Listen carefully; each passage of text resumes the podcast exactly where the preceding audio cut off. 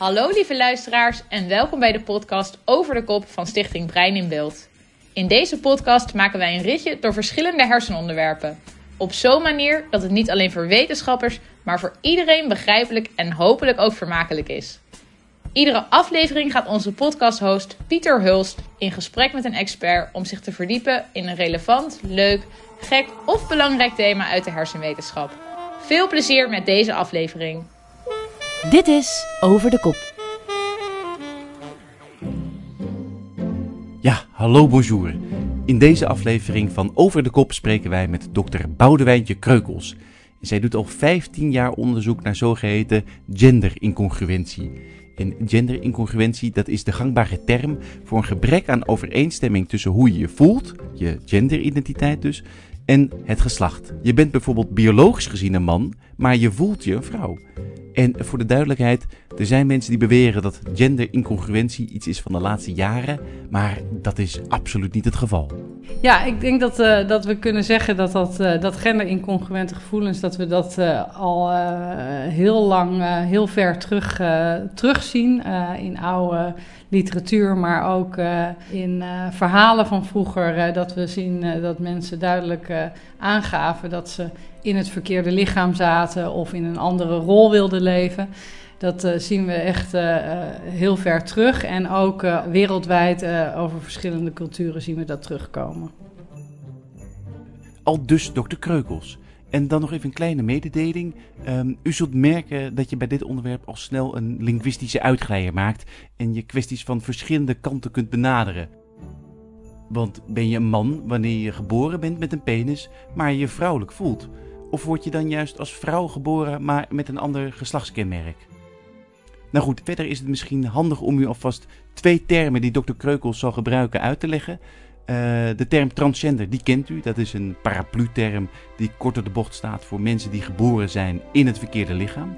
En dan heb je ook de term cisgender. En dat staat voor iemand waarbij de genderidentiteit, dus hoe je je voelt, overeenkomt met het geslacht. Oftewel, je voelt je een vrouw en je hebt ook daadwerkelijk een vagina. De meeste mensen zijn cisgender. Dr. Kreukels onderzoekt nu zo'n 15 jaar hoe deze genderidentiteit zich ontwikkelt en hoe we dit alles terug kunnen zien in de hersenen. Veel plezier en succes. Uh, Dr. Kreukels, uh, dank dat u uh, me wil ontvangen hier. Om maar meteen met de deur in huis te vallen. stel, ik leg hier op deze prachtige tiekhouten tafel. Ja, ik weet eigenlijk niet wat het is. eikenhout? nou, stel, ja, op deze eikenhouten tafel leg ik twee hersenen neer. Een van een transgender persoon en een van een niet-transgender persoon. Kunt u dan aanwijzen, mits u de juiste middelen heeft, welk brein bij wie hoort?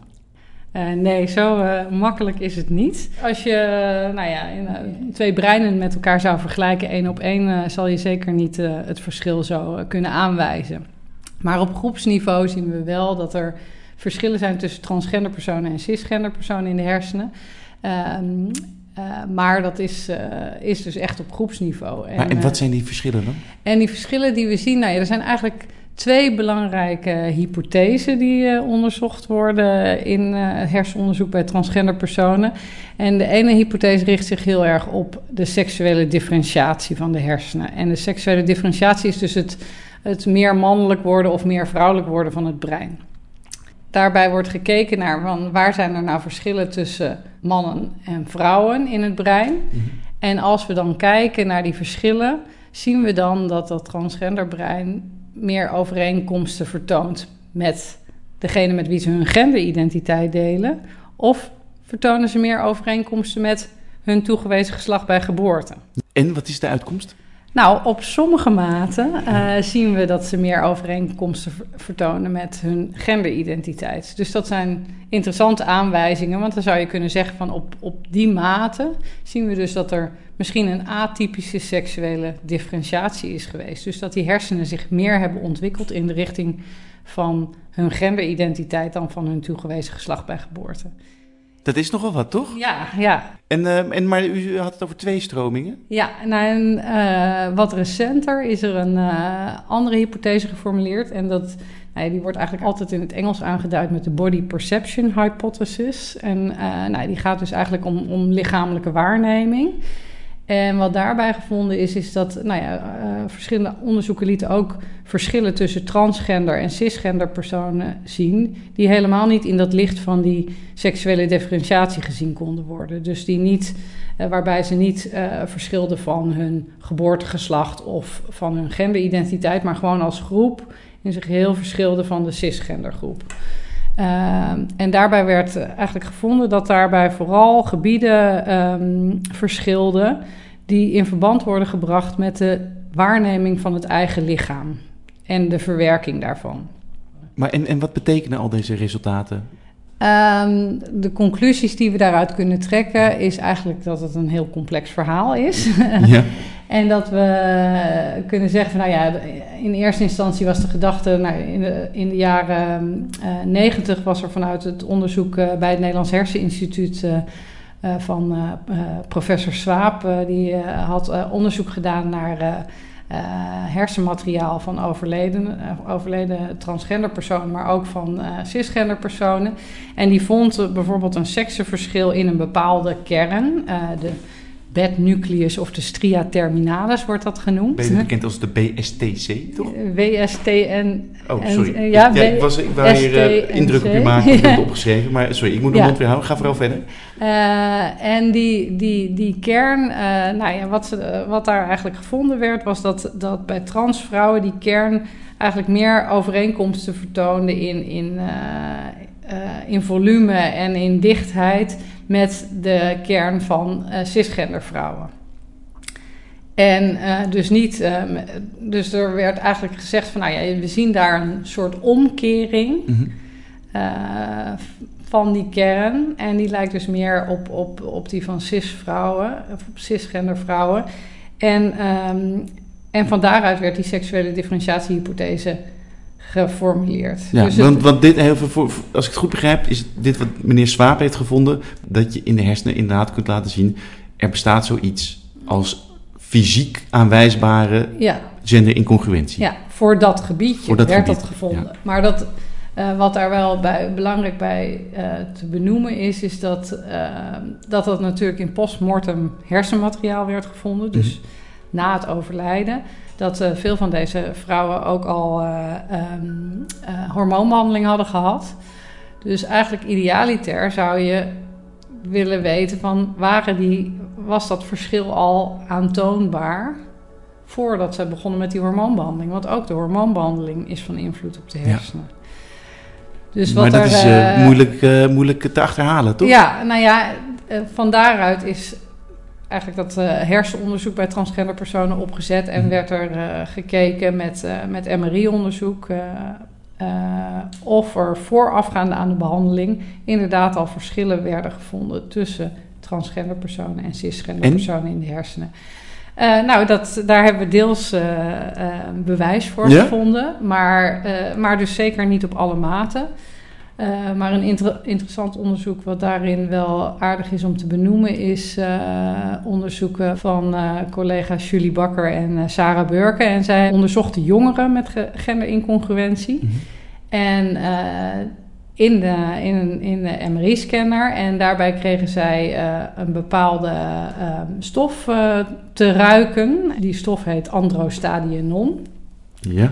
Dat is eigenlijk een soort pheromoon. En een pheromoon is eigenlijk een, een, een, een, een stof die je soms wel waarneemt, maar soms ook niet. Maar in elk geval, wat, wat we weten over die stof is, stof is als we dat aanbieden, dat er een seksenverschil in, in de reactie op die stof is in bepaalde kernen in de hersenen. En uh, nou, dat hebben zij uh, gedaan uh, bij transgender jongeren. Hebben zij die stof laten, nou ja, eigenlijk toegediend in de scanner. Mm -hmm. En gekeken naar de activatie in de hersenen bij, terwijl die stof werd aangeboden. Nou, er werd inderdaad een, een verschil gevonden tussen cisgender meisjes en cisgender jongens. Dus de activatie in reactie op die geur uh, was groter bij cisgender meisjes dan bij cisgender jongens. Ja. En nou ja, hetzelfde hebben zij gedaan bij de transgender jongeren. En daarbij vonden ze inderdaad dat de activatie in de hersenen uh, eigenlijk uh, overeenkwam met degene met wie ze hun genderidentiteit deelden. Dus voor de, Wauw, dat is, dat is wel uh, buitengewoon Ja. interessant inderdaad. Ja, dus dat, eh, dat is een hele interessante bevinding. Eh, maar in de tussentijd eh, is er nog ander onderzoek verschenen, ook bij volwassenen en ook eh, ander onderzoek bij, bij jongeren eh, met genderincongruentie. En daarbij zien we dat eigenlijk het pa- patroon niet heel eenduidig is. Het is niet zo dat we, dat we voor alle maten vinden dat ze nou ja, eigenlijk eh, overeenkomen met hun genderidentiteit. Maar sommige, voor sommige maten komen ze wel overeen met hun genderidentiteit. En voor anderen lijken ze toch meer op hun eh, geboortegeslacht. Maar eigenlijk is er dus inderdaad ook hier een glijdende schaal, toch misschien wel? Denken we niet dan ook hier te veel in hokjes van, ja, je bent, of je bent een vrouw en je voelt je man of zo, maar dat denken we niet inderdaad dan... Nou ja, dat, dat is een eh, hele goeie. Want eh, nou ja, eigenlijk hebben we ook ehm, gezien dat in, in eh, hersenonderzoek... Van de, daar is ook altijd veel debat over. Van nou, kunnen we nou inderdaad spreken over seksenverschillen in de hersenen? Ehm, en daarbij is het bijvoorbeeld eh, een hele eh, in- interessante bevindingen van een onderzoeksgroep uit Israël zijn eh, dat, dat we eigenlijk beter kunnen spreken over een eh mozaïek van in de hersenen. Je nader? ja, dus, dus dat we niet zozeer kunnen spreken over een mannen- en een vrouwenbrein. Want als we zouden spreken over een mannen- en een vrouwenbrein, dan zouden die echt eh, twee ver- totaal verschillende vormen. Ja, maar ho, ik, we hebben net, eh, tenminste, ik hoop de luisteraar ook, en dan raad ik die van harte aan. We hebben eh, professor Dr. Sommer gesproken. Ja. Die heeft er notabene een heel boek over geschreven. En die zegt, vrouwenbrein is gemiddeld kleiner, Mhm. ook als je corrigeert voor lengte.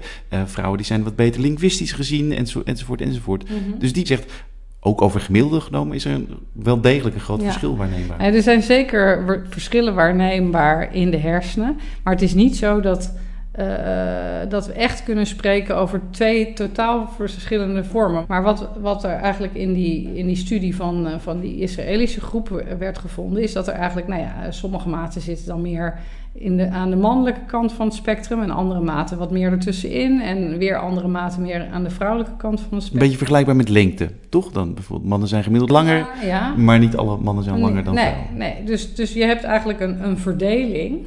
En eh, die verdeling, verdelingen overlappen ook voor een groot deel. Dus ehm, er zijn heel veel verschillen tussen mannen en vrouwen aan te wijzen, maar er zijn ook heel veel overeenkomsten. Ja. En het is maar net waar je je op richt. Ja. Maar wat we ook zien is, nou ja, eh, eh, het genitaal ontwikkelt zich in, in, in het eerste trimester van, van de zwangerschap. En daar zie je echt, eh, nou ja, eh, het mannelijk ge- genitaal of het vrouwelijk genitaal. Nou zijn er ook eh, variaties in de geslachtsontwikkeling waarbij dat toch iets anders verloopt. Maar eh, in principe zien we het mannelijk genitaal, vrouwelijk Mhm. genitaal. Maar bij de hersenen zien we eigenlijk veel meer diversiteit. Dus je kan eigenlijk zien van, nou, je hebt een, een, een brein met zeer veel mannelijke kenmerken en dan een, een brein met veel mannelijke kenmerken, maar misschien ook wat vrouwelijke kenmerken. Dan een brein met nog iets meer vrouwelijke kenmerken. En dan heb je aan de andere kant van het spectrum heb je misschien een heel brouw met, brein met heel veel vrouwelijke kenmerken. Juist. En als je dan zou vragen aan me van wat, wat maakt nou dit, dat dit vrouwelijke kenmerken zijn en dat dit mannelijke kenmerken zijn, dan, eh, nou ja, dan zijn dat kenmerken die dus over het algemeen meer voorkomen bij vrouwen, Ja. gemiddeld genomen. En aan de andere kant kenmerken die meer voorkomen bij mannen. Dankjewel voor deze uiteenzetting. Het is Ja. wel een heel lang verhaal. Nee, zeker, zeker. Ik, ik hoop dat u het nog volgt. Dus je moet wel inderdaad echt, echt je kopie, mijn niet zo sterke linguistisch mannelijke brein eh, erbij houden, inderdaad. Maar hierop voortbordurend, zou het zo kunnen zijn dat we over eh 100 jaar terugkijken op deze tijd en eh, tegen elkaar zeggen van, goh, wat was dat een primitieve periode eigenlijk met dat man-vrouw denken Ja, in, in paspoorten en, en bij wc-hokjes. ja. Vergelijkbaar een beetje met hoe we nu denken over de periode van eh, voor het vrouwenkiesrecht en het homohuwelijk. Denkt u dat die kans aanwezig is? Nou, dat is natuurlijk gissen, maar dat zou Nou ja, kunnen zijn. Ja, nou, ik denk wel dat er veel meer ruimte komt voor, voor diversiteit en, en voor eh, eh, het leven in de rol waarin je wil leven. En dat het eh, heel eh, rigide vasthouden aan eh, mannen en vrouwen apart, dat, dat, dat dat steeds meer zal verdwijnen. Maar het neemt natuurlijk niet weg dat er zijn verschillen Ja. tussen mannen en vrouwen. En die, die zijn vanuit biologische ontwikkeling zijn er verschillen. Maar er zijn ook verschillen die veel meer vanuit sociale patronen voorkomen. En, uh, en dat heeft allebei een invloed. Dus um, biologische factoren zorgen voor ontwikkeling in een bepaalde richting. Maar daarbij komt ook dat door in een bepaalde rol te leven, ook bepaalde patronen worden vastgelegd. Dus dat werkt de hele tijd. Het is echt een samenspel van biologische, psychologische en sociale factoren. Jeetje, ja, wat ja. materie. Zeg, ik, ja, ja. Uh, we hadden ook nog een ingezonde vraag die hier wel bij aansluit. Dus uh, laten we even luisteren. Uh, ik wilde graag vragen waarom transseksuelen zoveel weerstand oproepen bij sommige mensen. Oké, okay, dankjewel. Ja, dat is, dat is best een uh, lastige vraag. Maar ik denk dat het, uh, dat het voor een deel te verklaren is uh, uit dat het toch heel moeilijk is als mensen niet binnen bepaalde hokjes te plaatsen zijn. En dat dat, dat ja, nou ja, dat maakt het minder overzichtelijk, minder duidelijk, minder helder. Um, dat dat, dat dat toch door mensen als lastig wordt ervaren en, en dat dus de weerstand oproept. Maar en, en zal die weerstand ooit verdwijnen, denk uh, dat hoop ik wel heel erg. uh, ik denk wel dat wat, wat we zien, dat er al best wel veel is veranderd over de afgelopen decennia. Dat er uh, veel meer bekendheid is met, uh, met het fenomeen, met, met uh, transgender personen, doordat het ook meer in de media verschijnt. En en meer bekendheid maakt ook dat mensen nou ja, er vertrouwder mee raken en meer, dat er ook meer acceptatie wordt gezien. Maar, um, maar de, we zijn er nog niet, denk nee, ik. Nee, dat mogen duidelijk zijn. Dit is Over de Kop. Ja, een ander onderwerp waar je veel onderzoek naar hebt gedaan de afgelopen 15 jaar is het effect van hormoonbehandelingen. En uh, uw collega, professor Dr. Sommer, die zegt hierover dat vrouwen die mannelijke hormonen krijgen, doortastender en meer doelgericht werden en soms ook een korter lontje kregen. En mannen die dan vrouwelijke hormonen kregen, die gingen juist meer piekeren en die zagen vaker beren op de weg. Dus daaruit blijkt als ik het goed heb, dat die geslachtshormonen niet alleen invloed hebben op de uiterlijke kenmerken, maar dus ook op het gedrag. Ja. Dat is best wel, best wel interessant en ook wel heftig om te lezen, vond ik. Ja. Ja, nou ja, wat, wat we zien, en er, er zit wel een, een, variatie over de loop van de tijd, is wel dat, uh, dat inderdaad uh, zodra de hormoonbehandeling wordt uh, gegeven, mm -hmm. dat we vooral in de beginperiode zien we, nou ja, dat, dat gevoelens veranderen. Dus dat kan inderdaad bij uh, transmannen zijn dat, ze, nou ja, dat, dat de agressiegeneigdheid verhoogt, dat het verschillen oplevert uh, in seksueel verlangen. Uh, um, en dat bij transvrouwen zien we vaak dat, dat, dat, dat er qua stemming wel wat veranderingen optreden en, en ze soms wat somberder worden. Uh, er zit wel uh, over de loop van de tijd wel uh, verandering in. Dus dat zijn echt veranderingen die vaak in de begintijd optreden en later weer wat wat meer op een um, nou ja, gemiddeld niveau uitkomen. Dus het is vooral iets aan de in de begintijd van de behandeling. Maar kunnen we dat vervolgens dan ook terugzien in de hersenen, deze gedragsveranderingen, ook al zijn ze tijdelijk? Ja, nou ja, dat, dat uh, is zeker uh, wel uh, aannemelijk dat dat terug te vinden is. Wat er ook eerder wel is gedaan, is gekeken of, um, of de hormoonbehandeling van invloed is bijvoorbeeld op bepaalde vaardigheden, op bepaalde taken waarbij we weten dat er seksenverschillen zijn. Mm -hmm. Zo is er bijvoorbeeld een taak die vaak gebruikt wordt in dat onderzoek, dat noemen we een mentale rotatietaak. Die kijkt eigenlijk naar ruimtelijke vaardigheden. En ruimtelijke vaardigheden is iets waarvan we weten dat mannen daar over het algemeen wat beter in zijn dan vrouwen. Nou ja, dat, al oude voorbeeld uh, is uh, parkeren, inparkeren. nou, iets wat ik zelf ook helemaal niet kan. Maar nou ja, dat, dat, dat is iets wat we weten. En wat, wat we zien in onderzoek, wat we bijvoorbeeld bij transgender jongeren hebben gedaan, is dat inderdaad de activatie in de hersenen na na start van de hormoonbehandeling, mm -hmm. dat die verandert en uh, dat die meer overeenkomt nog na, de, na de hormoonbehandeling tussen transgender jongens en de cisgender jongens. Dus dat er meer, uh, meer, meer overeenstemming Dus als ik het goed begrijp, is heel kort door de bocht, veel te kort door de bocht waarschijnlijk, maar ik kan ook niet zo goed uh, parkeren. Uh, een vrouw naar man transgender, dus die de hormoonbehandeling van een man heeft gekregen, die is waarschijnlijk daarna wat beter in zo'n mentale rotatietaak. Ja, nou ja, dat, dat, dat, dat, zou, dat is inderdaad wat kort door de bocht, maar dat, nou ja, dat zou een gevolg daarvan kunnen zijn. Dat, nou ja, dat, dat, dat de blootstelling aan die hormonen van invloed is op uh, dat soort uh, vaardigheden. En uh, nou ja, wat we in dit onderzoek hebben gedaan, is dat we zo'n taakje hebben afgenomen in de scanner. En we hebben gekeken naar activatie gedurende die taak. En die, en die activatie kwam meer overeen met de activatie van de cisgender jongens. Dus van de transgender jongens en de cisgender jongens.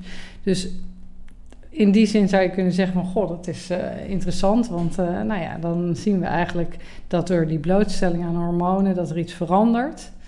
Uh, waardoor ze meer lijken op, op de cisgender jongens. Maar en, en is dat dan te verklaren louter door die hormoonbehandeling? Want ik kan me ook voorstellen dat het placebo-effect hier weer misschien een rol bij nou speelt. Ja, of, dat, dat is uh, ook een hele goede vraag. Want we weten bijvoorbeeld uit onderzoek in de algemene bevolking bij, bij cisgender personen dat, um, dat zowel biologische factoren, dus hormoonspiegels, als man-vrouw verschillen van invloed zijn op dat soort taken.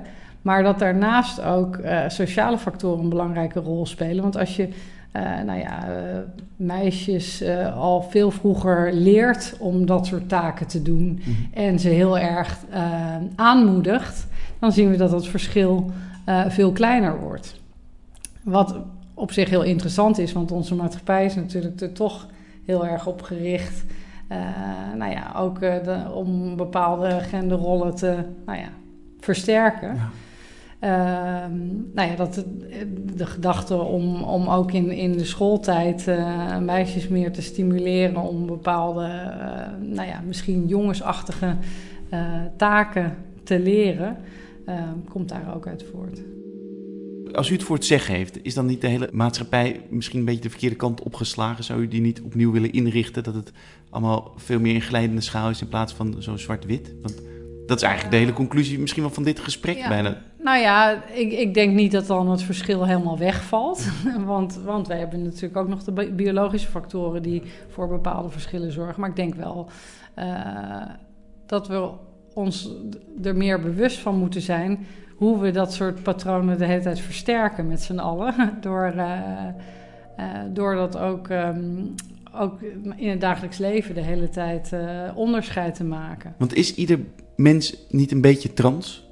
Uh, misschien wel, ja. Uh, nou, ik denk dat dat voor iedereen geldt dat, dat er allerlei kenmerken zijn en die kunnen uh, meer mannelijk, meer vrouwelijk zijn. En, en, en de samenhang tussen al die,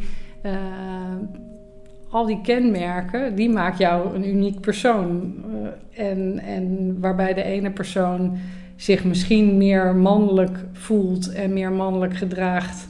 Um, als je hem vergelijkt met de gehele mannelijke bevolking. En voor anderen uh, zit er veel meer variatie in. Ja, ja nee, ik, ik, ik kijk of er nog iets achteraan komt. Nee, ik, ik, kijk even of... of je drukt je erg voorzichtig uit, merk ik, in het hele gesprek, ja. toch? Maar dat is omdat je niet zelf ook etiket wil plakken. En, nee, nou ja, nee, dat, dat is inderdaad zo, ja. En uh, misschien klinkt deze vraag kritischer dan ik bedoel, maar ik had het met een vriendin over dat, dat ik u zou spreken. En die zei, ja, maar waarom moeten we dit allemaal zo onderzoeken of het terug te vinden is in het brein? En, want dan gaan we inderdaad juist, we richten ons op de verschillen. Ja. Um, wat is op, daarop uw antwoord? Ja, nou ja, dat, dat, dat is uh, best een hele goede vraag. En die stel ik ook vaak aan het einde van, van colleges aan studenten. Van waarom zouden we dit eigenlijk willen weten? Nou, uh, de fundamentele vraag waar dit soort gevoelens vandaan komen, vind, vind ik persoonlijk een hele interessante vraag. Maar ik kan me voorstellen dat voor uh, sommige mensen van ja, waarom zou je willen weten wat, er, uh, wat het neurobiologische substraat is of wat we in de hersenen zien? Daar gaat het helemaal niet om. Het gaat om de gevoelens die iemand heeft. En, nou ja, daar ben ik het wel mee eens. Maar ik zie ook dat dat hersenonderzoek um, wel ook veel heeft opgeleverd in, in het begrip van, nou ja, waar hebben we het nu eigenlijk over? Is, nou ja, wat we eigenlijk nu dus zien, is eigenlijk dat er een heel divers beeld is. En dat ondersteunt eigenlijk heel erg wat we zien. Um, uh, wat we nu maatschappelijk zien, dat er heel veel diverse vormen zijn waarin uh, hoe iemand zich voelt. Maar ook uh, dat het dus ook terug te voeren is op wat we in de hersenen zien. Dus in die zin uh, levert dat veel op. Als, we, als je ook kijkt van nou, daar is best wel wat in veranderd, denk ik, de afgelopen 15, 15 jaar dat ik hier nu mee bezig ben. Toen ik net hier begon, was er heel veel aandacht voor het hersenonderzoek. Uh, juist omdat dat ook uh, emanciperend werkte. Van nou ja, we hebben het helemaal uh, niet over iets geks, maar we hebben het over echt iets wat, wat ook te zien is in de hersenen. Um, en da, nou ja, maar dat... tegelijkertijd zegt u, het gaat juist over gevoelens. Dus het maakt niet uit of je Ja. het in de hersenen ziet als iemand zich... Nee, nee, nee, nee. Want da- dat, dat staat altijd. eh, dat, ja, dat staat altijd vooraan. En, en, en bij, eh, bij de vraag of iemand wat, eh, wat iemand nodig heeft om, om zichzelf te kunnen zijn, gaat het dus ook om die gevoelens en niet om een plaatje van de hersenen. Maar dat hersenonderzoek helpt ons wel in eh, het snappen van wat, wat, waar, waar komen dat soort gevoelens nou vandaan. En we, we zijn er nog niet, we weten nog niet waar, waar ze vandaan komen. Maar wel hebben al die stukjes onderzoek hebben wel eh, al laten zien dat, dat het complex is, maar dat, eh, dat ze geven wel elke keer weer, het is elke keer weer een puzzelstukje waarmee we iets beter snappen van goh, nou het zit dus misschien meer in netwerken die, die eh, betrokken zijn bij de lichamelijke waar- waarneming. Of het zit meer in dat de hersenen zich op een bepaalde mate meer ontwikkeld hebben in de richting van die genderidentiteit. En ehm, al dat soort stukjes eh laat ons ook zien van, nou ja, ehm, hoe die genderidentiteit zich ontwikkelt. En we weten eigenlijk best wel veel over eh, de ontwikkeling van het genitaal bijvoorbeeld, maar nog niet zozeer over nou ja, de seksenverschillen die zich ontwikkelen in de hersenen. En daarmee levert dit onderzoek ook eh, interessante antwoorden op, denk ik. En wa- wa- wat zijn de verwachtingen voor de komende 15 jaar? Eh, Wat verwacht u te ontdekken of wat verwacht u misschien maatschappelijk gezien eh, dat er verandert? Of eh, zit u tegen een grote doorbraak aan te hikken? Nou, dat, dat, dat denk ik nog niet meteen. Ik denk dat we vooral verder moeten gaan met, met het onderzoeken van de zorg voor personen met genderincongruentie. Eh, en eh, goed eh, in kaart te brengen van nou ja, welke, welke paden je daarin in kan bewandelen. En de, de diversiteit in paden die daarin te bewandelen valt. Ik denk dat er ook nog veel te onderzoeken is, bijvoorbeeld bij transgender ouderen. We weten eigenlijk nog eh, heel weinig over eh, hoe het eh, op hogere leeftijd gaat met deze groep, omdat het toch nog een, een vrij recent eh, eh, behandelaanbod is wat, wat we zien. Dus ik denk dat daar heel veel aan te onderzoeken valt. En wat Eh, verwacht u? eh, Nou ja, wat, wat we bijvoorbeeld wel in recent onderzoek hebben aangetoond, is dat de, de mortaliteit eh, van, of de, het sterfterisico van transgender personen hoger ligt dan van cisgender personen.